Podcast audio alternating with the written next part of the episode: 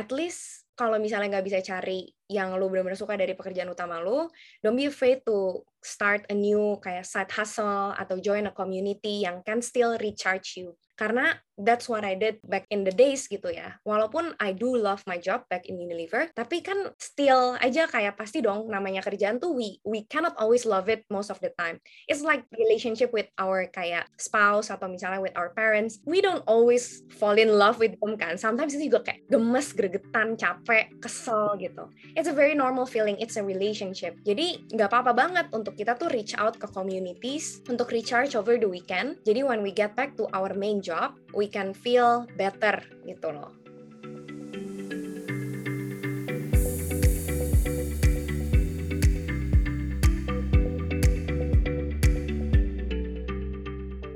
Hai guys, welcome back to the Better Story Podcast. Nah, di podcast ini kita akan menguak dan membahas untold story atau cerita yang biasanya nggak diceritakan di balik pencapaian yang dicapai figur yang akan kita interview. Nah, kami sangat-sangat berharap untold story mereka bisa menginspirasi kamu to own your story and to create your own kind of better story.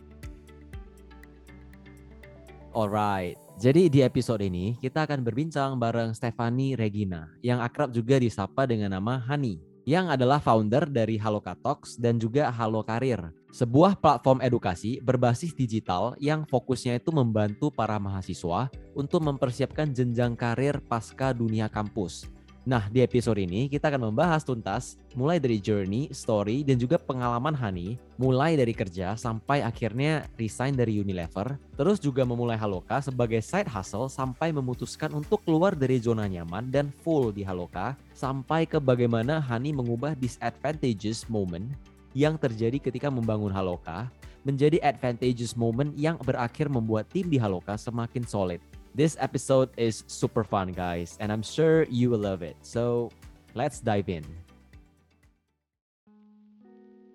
Halo Hani, gimana kabarnya? Hai Brilian, kabar Brilian. kabar baik, kabar baik, luar biasa. How are you? I'm doing great. Ini ceritanya gantian nih. Jadi aku yang nge-host interview Hani. Yang kemarin kan Hani yang interview kan? Betul, kemarin sempat nge-interview Brilian di salah satu panel yang isinya orang-orang keren jadi sekarang dibalik nih. Thank you Han. It was a great event though. Anyway, Han, let's start dengan short intro dari Hani ke pendengar Better Story. We can start with who you are, what are you focusing on right now, what's your hmm. life mission, and maybe some other things yang menurut Hani itu penting untuk disampaikan. Oke, okay, thank you. Jadi, halo semuanya para pendengar Better Story. Salam kenal, nama gue Stephanie Regina atau bisa dipanggilnya Hani. All of my Instagram, social media accounts itu semuanya halo Hani. Jadi dari dari dulu tuh pengen dipanggil gitu kan. Jadi halo Hani gitu. Terus ya udah social media account saya semuanya namanya halo Hani. Uh, baru banget resign dari my full time job this year May sih actually nggak baru-baru banget. Untuk sekarang full time dan juga full heart menjadi entrepreneur sekarang menjadi founder dan CEO di Haloka Group Indonesia. Nanti Haloka Group apa kita bakal cerita di lainnya kali ya. Tapi sekarang full menjalani itu dan juga punya coffee shop di Yogyakarta bareng sama partner aku namanya Melipir Coffee and Space. Jadi sehari-hari menjalankan dua role itu sambil menjadi anak perempuan satu-satunya di keluarga dan uh, persiapan nikah tahun depan udah itu aja kayaknya. I love your story so much, Honey. So I want to start our conversation dari uh-huh. Haloka deh. Jadi Han, why Haloka? Kenapa Haloka? Hani dulu kan dari Unilever ya? Ya. Oke, okay, jadi apa yang terjadi semasa Hani jadi brand manager di Unilever yang men-trigger atau menginspirasi uh-huh. Hani to leave Unilever and then start Haloka? Oke, jadi ini mungkin backstory sedikit kali ya buat teman-teman juga. Jadi benar yang tadi udah bilang, uh, gue tuh lulus dari Prastia Mulia itu tahun 2017. Jurusannya memang jurusan branding. Nah lalu setelah lulus dari Prasmul itu kerja di Unilever, dulu ambil MT programnya namanya Unilever Futures Leaders Program. Terus setelah itu di sana sempat handle beberapa brand, kayak mungkin kalau teman-teman tahu Buah Vita, Fair and Lovely yang sekarang udah jadi Glow and Lovely, terus sama Lifebuoy Shampoo. Uh, terus sempat dikirim juga ke Jogja karena dulu MT jadi rada di rotate dari brand ke marketing. Nah, uh, sebenarnya itu Haloka sudah ada dari tahun 2020. Jadi dari awal pandemi. Haloka adalah produk corona. Jadi dulu abis uh, rotation yang dari Jogja balik ke Jakarta lagi, balik ke kantor pusat itu handle Lifebuoy Shampoo, and then or, waktu Maret itu kayaknya Unilever tuh salah satu kantor pertama yang langsung WFH. Jadi kita benar-benar langsung disuruh kerja dari rumah, and then uh, udah mulai resah kan sebagai anak yang 98% ekstrovert gitu itu tuh kayak aduh di rumah ngapain ya? Nggak ketemu orang nggak bisa ke mana-mana. Akhirnya bingung sendiri mati gaya. Terus uh, sampai suatu hari itu ketemu sama temen dari ITB kalau nggak salah ada kelas diajak untuk jadi salah satu speaker di webinarnya dia And then waktu itu bawain pertama kali bawain tentang personal branding secara online. Jadi biasanya bawain tapi secara offline. Terus kayak ih seru juga ya webinar gitu. Baru pertama kali kan. Tetap bisa nih tersalurkan, tetap bisa ngomong sama orang. Terus habis itu produktif weekend juga daripada di rumah nggak ngapa-ngapain.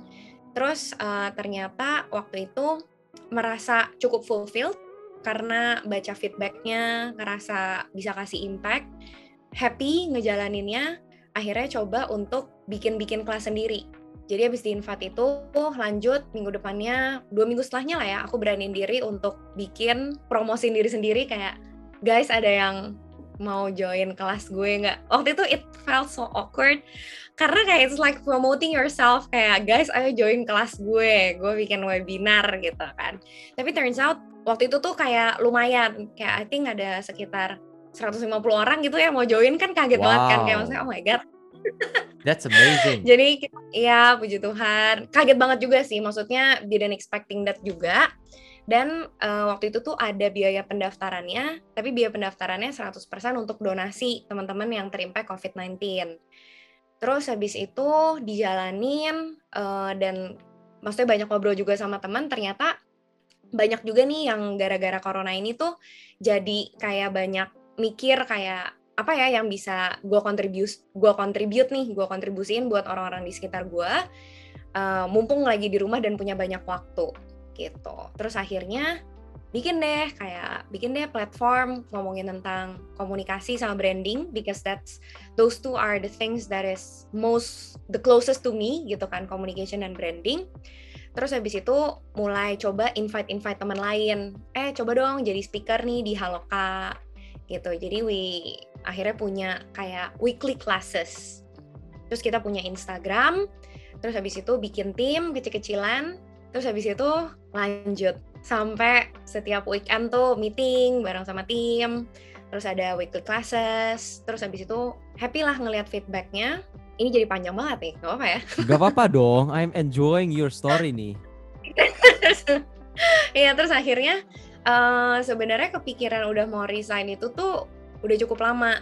Jadi sejak ngejalanin Haloka, terus habis itu webinar-webinar, I guess kita very lucky karena since our early age gitu dari Haloka itu kita tuh udah bisa punya kesempatan untuk invite kayak Koernas Prakasa waktu itu datang. Waktu followers kita masih 600 orang. Wow. Kayak kita juga kaget Makanya jadi Ko Ernest pernah ngisi, terus di awal juga Kristo Immanuel. Kalau misalnya tahu itu impersonator juga. Of course, Kristo. Of course ya. Keren banget. Jadi kayak uh, lumayan banget kebantu sama teman-teman yang teman-teman creator gitu ya, orang-orang yang udah keren dan mungkin punya belief yang sama-sama Haloka. Jadi awalnya mau ngisi, terus akhirnya the word spread, and then kita hire more intern, timnya makin lengkap, kita punya konten tim sendiri, desain tim sendiri, sampai akhirnya partnership mulai masuk kan, mulai nge-reach out, eh pengen dong dibikinin uh, acara sama Haloka, eh boleh nggak media partner gini gini gini, lalu jadi mulai banyak meeting. Sebenarnya mulainya dari kayak oh banyak meeting ya, udah gitu karena masih full time di Unilever, jadi meetingnya kan over lunch. Jadi it is always before before the work starts. Jadi sebelum 9 pagi atau during lunch atau after work gitu. Terus mulai masuk juga tawaran kayak jadi speaker, bawain tentang materi personal branding, kayak gitu-gitu. Sampai akhirnya I think one of the moment yang bikin aku kayak oke okay, kayaknya ini cukup ada potensi gitu sebenarnya tuh karena ya itu sih mulai banyak brand company yang tap in dan aku ngerasa intern aku itu kerjanya lebih banyak dari aku. Jadi tiap kali ketemu partner aku nggak bisa join karena it's over uh, kayak working hour work hours. Jadi mereka yang ketemu sama partner ketemu sama klien gini-gini. Dan aku sebagai lead aku ngerasa kayak kayaknya nggak sehat deh kayak gini. Karena nggak ada yang jadi dua-duanya. Di Unilever aku juga maksudnya kayak istilahnya selesai kerja itu maunya langsung mikirin Haloka tapi di Haloka juga nggak bisa full heart karena terbatas tanggung jawab harus tetap komitmen di Haloka jadi memberanikan diri resign gitu. That's so cool, man. It's not easy, but you did it anyway, Han. But Han, gue mau trace back sedikit nih. Boleh, boleh, boleh. Hani kerja di Unilever itu a really big company where you can learn a lot and grow a lot. And you have achieved posisi brand manager juga, which gives you a lot of opportunity. Posisi Hani pada saat itu is perfect even if you think it's not perfect, it's perfect for a lot of people. I'm sure of it. And usually ya Han, itu gak gampang untuk meninggalkan comfort zone seperti itu untuk melangkah ke zona yang gak nyaman. Meskipun sekalipun kita itu tahu di zona yang gak nyaman itu ada lebih banyak peluang lagi untuk kita berkembang. Yeah. So Han, how did you do it? Wah, sebenarnya uh, beberapa banyak sih beberapa faktor nanti kita coba go along the way. I think now I can think of three. Jadi yang pertama adalah uh, definitely karena tadi aku pribadi tuh ngelihat di halokanya itu ada potensi dan this is something that I really enjoy doing. Gitu. Jadi benar-benar happy banget ngejalaninnya bisa ngobrol sama orang langsung, bisa ngelihat impactnya, bisa ngelihat intern, bisa building my own team. I think in the back of my mind itu uh, gue pribadi tuh juga emang mau jadi entrepreneur gitu loh because all of my families itu tuh juga semuanya entrepreneur. Jadi kayaknya tuh agak kayaknya pengen deh punya sesuatu yang dibikin sendiri. Itu yang pertama. Terus yang kedua gue tuh merasa kayak whatever happens gitu ya I think I can survive. Nah ini nomor dua tuh prosesnya panjang jadi gue ngobrol sama banyak mentor ngobrol sama teman-teman juga. Terus habis itu kayak salah satu teman gue waktu itu bilang Han lu tuh harus belajar make yourself your biggest asset. True. Itu waktu itu waktu gue dengar itu kayak powerful. Kayak lu tuh harus belajar make yourself your biggest asset. Kayak maksudnya oke okay, uh, Unilever is a very big company. Kayak I love Unilever even until now masih dekat sama teman-temannya dan have nothing to complain actually. Cuma kayak by the end of the day lu harus tahu bahwa even you left Unilever gitu ya still your biggest value tuh has to be yourself gitu. Jadi belajar kenal sama diri sendiri reflection journaling itu I think the things yang I do internally lah ya. Banyak berdoa juga tentunya. Terus habis itu yang ketiga tentunya tidak bisa dibohongi adalah dana darurat sih. Kan tetap harus realistis kan. Yep. dan uh, waktu itu tuh jadi gue di Unilever kan udah hampir empat tahun, I guess tiga tahun tujuh bulanan. Dan uh, by the time gue left Unilever tuh kayak lumayan role-nya tuh udah di brand manager. Jadi istilahnya udah nabung lah gitu selama tiga tahun tujuh bulan ini dana daruratnya tuh waktu itu gue hitung-hitung uh, udah sampai sebenarnya sampai 12 kali dan gue waktu itu merasa gue nggak mungkin nggak ngapa-ngapain kalau gue ada apa-apa selama 12 bulan. Kayak the moment bulan ketiga bulan keempat gue ngerasa it's not working gue pasti udah either gue jadi cici-cici online shop ya kan? Gue ngonten kek atau gue balik kerja lagi kek. Tapi maksudnya I guess 12 bulan itu tuh napasnya lumayan panjang untuk I can figure something out lah within that 12 months. Jadi dana darurat itu emang harus dipertimbangkan. Back then gue juga udah punya asuransi kesehatan buat diri gue sendiri dan for my parents. Terus ada passive income juga dari investasi gitu. Jadi I think kayak oke okay, udah lumayan secured gitu financially. Seenggaknya bisa lah gitu. Terus ya karena happy aja sih actually. karena kayak happy banget gitu maksudnya kayak this is what I want to do gitu. I love it. I really enjoy the industry yang the topics yang emang dibawain tentang communication and branding. I'm very passionate about it. I have a great team. Back then tuh timnya benar-benar on fire banget. Jadi kayak oke okay, kalau tim gue aja full heart, masa gue setengah-setengah kan gue leadernya gitu. Jadi kayak oke okay guys gue resign. gitu. gue gak pernah bosan sih dengar cerita yang kayak gini. It's really amazing story. Ya, amin. Mudah-mudahan. Amin. And Han, this is also one of the reason aku mulai Better Story Podcast. Kamu tahu nggak Han, aku selalu bilang ke orang-orang yang aku temui, meskipun kita itu sibuk banget, mau kuliah, mau kerja, ataupun mau bangun bisnis, hmm. kita itu tetap harus menyisihkan waktu to do something we really love doing, something we really enjoy doing. Tujuannya itu adalah supaya after we do the thing that we love and enjoy, we can recharge ourselves while doing it. And then the next day we can go all in. Dan Hani juga begitu kan. Awalnya dari mulai side project, akhirnya terbangunlah Haloka. Mm. Which is so amazing. So Han, here's my question. What was your victorious moment and hard time moment semasa membangun Haloka? Tapi Han coba dijawab dalam dua perspektif. Yang pertama, yang Hani lalui secara personal sendiri, dan yang kedua, yang Hani lalui bersama dengan tim. Jadi dua perspektif, yang pertama personal wise dan yang kedua tim atau company wise. Oke. Okay. Oke, ini uh, coba ya kita saya mudah-mudahan menjawabnya benar nih. kita berikan itu. Tapi yang pertama, I think I would like to get back to your point bahwa waktu kita ngelakuin sesuatu kita harus happy. Itu I totally agree with that gitu. Kayak but sometimes you don't find happiness in the apa ya in the main thing that you do kayak aku yakin banget nih banyak juga mungkin pendengar dari Better Story gitu ya yang ngerasa kayak oh but apparently I don't I don't like my job gitu. I I've I've heard some of my friends say that kayak ya lahan lu gampang ngomong kayak gitu kan lu kerjanya juga emang di field yang lu suka yang lu bisa. Jadi you can totally be happy about it gitu. Kalau gue kan nggak bisa kayak gitu. Nah uh, dulu tuh yang gue rasain adalah yang kayak tadi Brilliant bilang sih di mana kayak at least kalau misalnya nggak bisa cari yang lu benar-benar suka dari pekerjaan utama lu, don't be afraid to start a new kayak side hustle atau join a community yang can still recharge you. Karena that's what I did uh, back in the days gitu ya. Walaupun I do love my job back in Unilever, tapi kan still aja kayak pasti dong namanya kerjaan tuh we we cannot always love it most of the time. It's like relationship with our kayak spouse atau misalnya with our parents, we don't always kayak fall in love with them kan sometimes itu juga kayak gemes, gregetan, capek, kesel gitu. It's a very normal feeling. It's a relationship. Jadi kayak apa ya? Nggak apa-apa banget untuk kita tuh reach out ke communities untuk recharge over the weekend. Jadi when we get back to our main job, we can feel better gitu loh.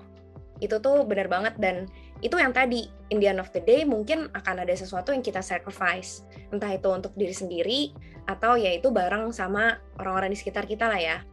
Dulu tuh waktu pertama kali Haloka bener-bener tapi emang pas banget lagi pandemi sih jadi emang nggak bisa ke mana-mana ngerti nggak sih?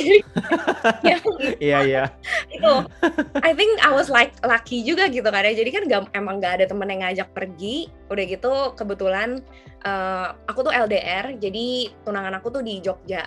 Jadi emang agak nggak ketemu gitu kan ya. Jadi ya ya udah over the weekend emang bakal ngerjain ini meeting sama tim alignment. Even during kayak jam kerja biasa itu aku dulu disiplinin sih. Jadi selesai kerja itu jam 7. Jam 7 itu pokoknya ngerjain haloka. Jam 7, satu jam, satu setengah jam itu ngerjain haloka dulu. Maksimal sampai jam 9. Lalu kalau misalnya emang harus ngerjain kerjaan kantor lagi, ya udah dikerjain lagi setelah jam 9 gitu. Tapi kayak commit bahwa satu hari itu akan ada minimal dua jam yang di spare emang untuk ngerjain haloka. Karena back then udah ada tim intern. Gak fair banget dong, maksudnya kayak gila lu mereka udah meeting seharian atau kayak gimana ketemu klien terus gue kayak sorry guys gue ada kerjaan kantor kayak semua juga punya kerjaan kantor. Jadi it's more like kalau misalnya kita emang udah take the path untuk actually ambil side hustle atau building our dreams, our passion gitu, kayak don't complain too much about it. Gak ada yang nyuruh aku bikin haloka it was my decision. I wanted it kan. Jadi kalau misalnya aku harus trade my jam pergi atau misalnya jam tidur untuk kerjaan haloka ya it's a it's a part of the job gitu. Maksudnya it's a consequences. Jadi nggak usah dikeluhin dijalanin aja. Kayak gitu. I think itu kalau dengan yang diri sendiri kali ya. Jadi benar-benar disiplin dari waktu terus nggak banyak ngeluh dan ya udah pokoknya selama itu bikin happy selama kita bisa ngeliat impactnya dijalanin aja Terus habis itu yang kedua kalau misalnya sama the people around me kayak gimana? Sebenarnya kayaknya salah satu hal yang jadi bikin gue lumayan khawatir dulu adalah waktu ngerjain haloka dan kerjaan kantor itu tuh kadang-kadang ngerasa aduh orang-orang kantor gue ngomongin gue ya nggak ya kayak ih si Hani kok kerja tapi di jam kerja upload story mulu gitu kayak kerja gak sih nih orang? Udah jadi brand manager kayak gitu gitu lah jadi actually nggak pernah ada yang konfront sih. Maksudnya nggak pernah ada yang ngomong kayak gimana. Tapi itu tuh kepikiran gitu. Apalagi misalnya kalau jadi speaker nih. Udah gitu jadi speaker kan waktu itu role-nya emang masih jadi brand manager gitu kan. Jadi tulis brand manager at Unilever. Nah itu tuh kadang-kadang suka mikir juga do people see me as me? Atau do people see me because I work at Unilever ya jadi by the time mau resign tuh kayak sempet mikir juga kalau misalnya gue resign orang masih value gue the same gak ya apa selama ini mereka invite gue jadi speaker karena gue tuh kerja di Unilever ngerti jadi kayak oh bingung banget nih ya kan terus uh, akhirnya tapi yang kayak gini-gini tuh gue coba obrolin sama line manager gue. Jadi biasanya all of my uh, apa ya ketakutan-ketakutan gue tuh gue tanya kayak how do you think about my performance? Kayak lo merasa performance gue terganggu nggak? Terus habis itu ada yang bisa diimprove nggak? Jadi kayak minta feedback. Tapi ternyata maksudnya puji Tuhan back then feedbacknya tuh oke okay, gitu. Terus habis itu malah I guess uh, Unilever tuh emang benar-benar perusahaan yang oke okay banget gitu ya. Bahkan kadang-kadang tuh gue kayak suka diminta sharing di Unilever karena Unilever ngeliat oh Hani nih suka create konten gitu. Coba dong Han share ke internal create konten. Terus misalnya kadang-kadang uh, diminta jadi MC atau misalnya jadi moderator. Waktu itu pernah disuruh bikin untuk digital ads-nya salah satu shampoo di Unilever gitu. Jadi actually sih sebenarnya sangat-sangat suportif. Jadi puji Tuhan menurut gue berada di circle yang tepat, yang suportif itu tuh memang sangat-sangat membantu. Jadi buat teman-teman mendengar Better Story yang ngerasa sekarang lingkungannya itu toxic, it's not helping you to grow, bahkan yang kayak belittling you yang kayak ngapain sih lo kayak gitu? Kayak so artis banget sih lo ya iyalah dia kayak gitu kan dia privilege gini gini gini. Guys it's not worth it. Sumpah cari circle baru. Karena they will shape the way you think gitu. Dan kayak gimana sih rasanya kita mau maju tapi ditarik mundur gitu loh. Kan capek energinya tuh capek untuk kita ngelawan mau maju. Mendingan kita cari temen yang bisa support kita bisa kita kasih kita masukan. Jadinya kitanya juga melangkahnya lebih enak gitu ya. Setuju Hani inspiring banget sih ceritanya. I really love it. But so true sih. Kalau kita punya circle yang berkualitas langkah kita akan jauh lebih enteng. Han, what about the victorious and hard time moment Han? Yang lo lalui bareng dengan tim? Ini kayaknya salah satu momen yang memorable dan juga itu adalah dulu waktu uh, bikin Halo Karir Fest. Jadi Haloka itu kan Haloka Group Indonesia, itu di bawahnya itu sebenarnya ada tiga. Jadi kita ada Haloka Talks yang lebih fokus ke communication and branding, ada Halo Karir lebih ke yang ngobrol ke university studi, eh, stud, students gitu. Terus yang ketiga itu ada brand consultant namanya Haloka Kreatif. Nah jadi di Halo Karir Fest ini kita tuh waktu itu kick off-nya dengan bikin namanya Halo Karir Fest 2021 jadi kita invite 12 pembicara over two days dan kita invite lah these university students untuk join, dengerin dan actually get inspired gitu kan. Tujuannya biar mereka tuh tahu mereka setelah lulus kuliah itu mau kerja di mana. Karena kita invite speakers dari various industries. Nah, jadi waktu itu kita kan emang masih baru banget ya. Jadi pendaftarannya tuh semua serba manual. Kita nggak even punya website, kita nggak even punya landing page. Jadi pendaftaran masih pakai Google Form. Terus pada Hamin satu, jadi kan kita tuh kayak pokoknya hamin satu lah nggak nggak even hamin satu malah kayak acaranya jam 9 pagi jam 10 malam tuh kita masih finalizing kayak oke okay, ini harus kirim invitation nih buat yang join besok kita bagi berdasarkan kelas dan lain sebagainya. Nah karena waktu itu puji Tuhan yang daftar kayak hampir seribuan jadi kayak 900an orang jadi kita kirim kan kayak oke okay, kita bagi nih per batch oke okay, kelas ini kayak gini gini gini gini gini. Terus tiba-tiba si Google-nya ini menganggap activities kita tuh spamming. Oke, okay, this is getting interesting. Kita kirim Google Invitation tuh benar-benar all at once gitu kan, nggak mikir dulu. Terus habis itu tiba-tiba di spam satu salah satu tim aku kan kita online bareng kan, kita kayak kerja bareng gitu. Terus kayak guys kok tiba-tiba aku ke lock out ya? Terus kayak yang lainnya eh aku juga ke aku juga ke gitu. Terus waktu di refresh intinya si Google bilang Instagram itu udah deactivated karena spamming. Bayangin itu semua Google Drive semua Google Google Drive yang sebenarnya nggak bisa diakses uh, dan semua email pendaftaran itu ada di Google Drive. Jadi kayak jam 10 malam acaranya jam 9 pagi. Kita nggak punya email partisipan dan kita belum ngirim kan. Terus kan waktu itu kan ada 12 kelas jadi tuh kita kayak ada yang paket beli 4 ada yang paket beli 3 beli 2 beli 1 terus kita kayak langsung oke okay, gimana ya? Maksudnya mana ya? Ada nggak yang punya backup datanya? Nah puji Tuhan ternyata tuh ada yang punya backup data. Jadi ada yang nge-backup tapi nge-backupnya juga nggak lengkap. Kayak cuma email sama nama. Jadi nggak tahu dia daftar kelas apa. Ya udah kan terus kayak oke okay guys jadi we we decided tuh akhirnya kalau nggak salah tuh waktu itu kita belas pakai email yang terpisah-terpisah. Pokoknya we figure something out. Dan akhirnya ya udah kita percaya aja. Pokoknya kita bilang silahkan join ke link yang udah kamu daftar. Jadi akhirnya kita buka semua kelasnya untuk semua orang karena kita nggak tahu yang mana daftar apa kan. Jadi ya kita intinya cuma tulis kayak note silahkan join ke kelas yang udah kamu daftar. Ya ya udahlah karena back then kan anyway kita emang nggak nyari buat profit itu tuh kita ada registration fee untuk bayar si speakernya anyway kan. Terus uh, itu benar-benar last minute banget dan itu tuh benar-benar ngerasa namanya jam 10 malam jam 11 malam kita langsung bilang di grup gede guys masih bisa login ke Instagram gak? Karena Instagramnya kan connect ke email, jadi udah mau nangis. Terus ternyata kak masih bisa nih, terus langsung ganti password dan lain sebagainya. Tapi tuh kayak the whole group itu tuh bener-bener come together gitu loh untuk this urgent matter dan semuanya tuh bener-bener yang langsung ready gitu, pada langsung buka laptop. Kak ini aku udah backup dari sini, aku udah kayak gini-gini gini. Pokoknya tuh bener-bener bareng dan sebenarnya even untuk dapat si 900 peserta ini, itu tuh lumayan miracle juga gitu karena number kita tuh boost upnya in the last seven days gitu setelah akhirnya kita coba berbagai macam cara. Itu sih the moment yang the hardest moment and also turns out to be the best moment. Gila ya, I think you can do anything with the right team. No jokes, you can do anything. Aku bener-bener orang yang percaya banget in people. That's why one of the reasons sebenarnya why I uh, resign itu karena aku ngerasa I have to invest in my team gitu. I have to ya be their leader gitu. Maksudnya ada buat mereka, ngajarin mereka, mentorin mereka. Karena nggak ada tim aku juga nggak bisa ngapa-ngapain gitu loh jadi from that moment tuh aku benar-benar kalau kamu punya tim yang benar even though you don't have the perfect concept it will still work tim yang support tim yang mau kerja bareng satu visi yang apa ya yang kayak bener-bener percaya sama visionnya juga tuh will make anything work sih. I truly believe that even until now. Karena proven so many times kayak even sekarang aku in my team kebanyakan kan intern and volunteering. Tapi kayak they work really really work wholeheartedly. Even yang waktu itu aku sempat sering jadi cerita aku adalah currently aku punya tech lead in my team.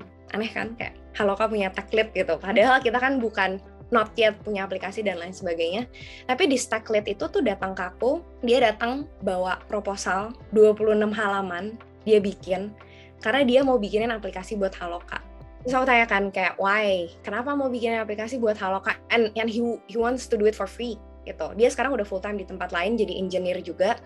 Terus karena dia bilang because I believe in Haloka's vision. Aku percaya banget sama beliefnya Haloka bahwa semua orang bisa contribute positively to society and I feel this is how I can contribute to society by making Haloka bigger. Sumpah mau nangis. Kayak literally tuh mau nangis waktu itu kayak Hah, gila ya Tuhan baik banget. Maksudnya tuh benar-benar dipertemukan dengan orang yang tepat gitu loh. Jadi thank you teman-teman. If you hear this itu benar-benar keren banget sih. Jadi itu kali ya momen yang sangat menyenangkan. And then another moment yang I still very remember itu adalah waktu pembubaran Haloka Halo Karir eh Halo Kampus Ambassador. Jadi kita punya yang di Halo Karir Fest itu kita bikin kayak uh, satu community 30 people coming from 30 universities all over Indonesia. Uh, terus mereka kayak kita ajarin dan lain sebagainya. Nah, the moment kita bubarin batchnya, mereka tuh kayak bikin video yang isinya saying thank you dan lain sebagainya. Lalu mereka share kayak mereka grateful banget for this opportunity bisa kenal teman-teman lainnya, belajar banyak banget. Itu no joke. Aku kayak gak bisa gak nangis gitu kayak sampai guys sebentar dulu. Karena terharu banget because jadi kayak it's just worth it gitu loh. Dan mungkin momen itu aku jadi sadar kali ya bahwa apa ya maksudnya there are certain things in life yang benar-benar worth to fight for gitu loh. Kayak capek capek banget kesel banget kadang-kadang iya. Tapi kayak in that moment oh my god it's worth it. If that's all the thing that I have to go through to be here then it's totally worth it gitu kayak I'll, I do it all over again dan itu momen yang aku inget sampai sekarang kalau misalnya lagi kayak sebenarnya gue ngapain sih gitu kayak oh ya yeah, I do it for that gitu gitu sih ceritanya. aku dari tadi dibanjiri oleh cerita inspiringnya Hani. But Han, you're so amazing sih. The way how you handle the situation yang dari chaos banget itu jadi sesuatu yang malahan menguntungkan kamu dan tim. Di mana because of this thing happening, Hani dan tim malah makin dekat. And from this story kita bisa ngambil kesimpulan Han that you are a great leader. So congratulations Han. I'm sure your team juga proud to have you as their leader. But I'm also sure tanpa tim yang kompak dan amazing dan align dengan their leader and company's vision, this won't work too. So for sure, kudos juga for, for sure. Honey's team. ya, shout out to all of my team dari yang pertama sama yang sekarang udah bantuin. Thank you banget. Thank you banget literally kayak aku selalu bilang di Haloka, aku tuh juga kerja di Haloka. We are all working for the vision. Jadi pokoknya kita tuh semuanya kerja for Haloka's vision which is to enable people contribute positively to society through the three pillars that we chose, personal development, communication, and branding. Jadi kayak apa ya, you're not working for me, you're working with me to make the vision comes true. Jadi by any means, kalau misalnya you feel like you want to do something and then bingung iya atau enggak, kayak just always go back to the vision. Because most of the time I also don't know. Kayak aku juga baru resign, aku juga kayak kalau ditanya, kayak ini gimana ya ini kayak gak tahu, gak tahu juga, but kalau menurut kamu it aligns, it can help people to contribute, ya coba aja gitu loh. Kalau nggak bisa, ya udah nggak apa-apa. Maksudnya learning karena nggak nggak ada yang pernah coba juga kayak gitu. Wow, I really love your mindset, Han. And I can feel why your team wanna follow your lead. As what Tony Shea said, chase the vision, not the money. The money will end up following you. And you know what? You are a great leader because mm. let's put it like this bagi aku proses hiring itu penting banget. But yang lebih penting lagi dari proses hiring itu adalah kualitas CEO atau leader yang memimpin tim atau company itu. Kalau misalnya CEO atau leader of a company kualitinya not that good, dan tim yang ke hire nantinya kurang lebih kualitasnya akan sama. Dan vice versa, kalau misalnya CEO atau leadernya itu bagus kualitasnya, yang akan ke hire timnya juga akan bagus. Why? Karena orang yang meng-hire ada tiga by the way, kita sendiri, HR kalau kita punya, dan tim kita itu akan meng-hire orang yang value-nya align dan hampir similar dengan si pemimpin. Hmm. That's why ketika kualitas si pemimpin bagus, timnya juga akan invite more people to hmm. join in to build the vision. Like what happens in Haloka. Yes. That's why you are a great leader, Honey. Yeah. Gue jadi muji-muji Honey terus nih. muji-muji tadi ya, Tapi Uh, nah, kalau misalnya in my case gitu ya, my role model in uh, leadership is always uh, Simon Sinek. I'm a fan girl of Simon. Gue suka banget. I baca buku-bukunya juga dan maksudnya tadi actually lumayan sama gitu. Simon pun bilang bahwa leader's job itu tuh not to make the work maksudnya bukan untuk uh, apa ya jalanin semua bisnisnya gitu loh. Tapi leadership itu adalah to make sure timnya itu bisa menjalankan apa yang harusnya mereka jalankan gitu loh. Karena kalau misalnya the leaders take care of the team dan the team will take care of the business. Exactly. Yang kayak tadi. Exactly. What we said, right? Kayak our job is to take care of our team then our team can take care of the work gitu loh because they know we care about them as an individual gitu dan ya yeah, I guess itu bener banget sih bener banget setuju all in alright honey thank you so much for your time I really enjoyed our conversation Han lastly any advice gak Han atau pesan untuk teman-teman yang sedang dengerin Better Story Podcast. Take it easy on life. You don't have to figure everything out now. Gak perlu dicari tahu semuanya but make sure you move. Jadi kalau emang sekarang belum ketemu passionnya gitu belum bisa yang berapi-api banget oke gimana it's okay it's normal. But don't don't kayak jangan diem. Coba sesuatu yang baru kenalan sama orang lain cari tahu hal-hal baru sampai akhirnya kamu ketemu satu momen yang I think I like this one I think I wanna committed to be committed to it gitu and then that's where life gets so much more exciting jadi semangat dan take it easy at the same time bingung gak tuh oke okay. well aku sih dapat sih ya Anyway, all right, honey. Thank you once again. I'm so so grateful for your time. Bye. Thank you. Thank you.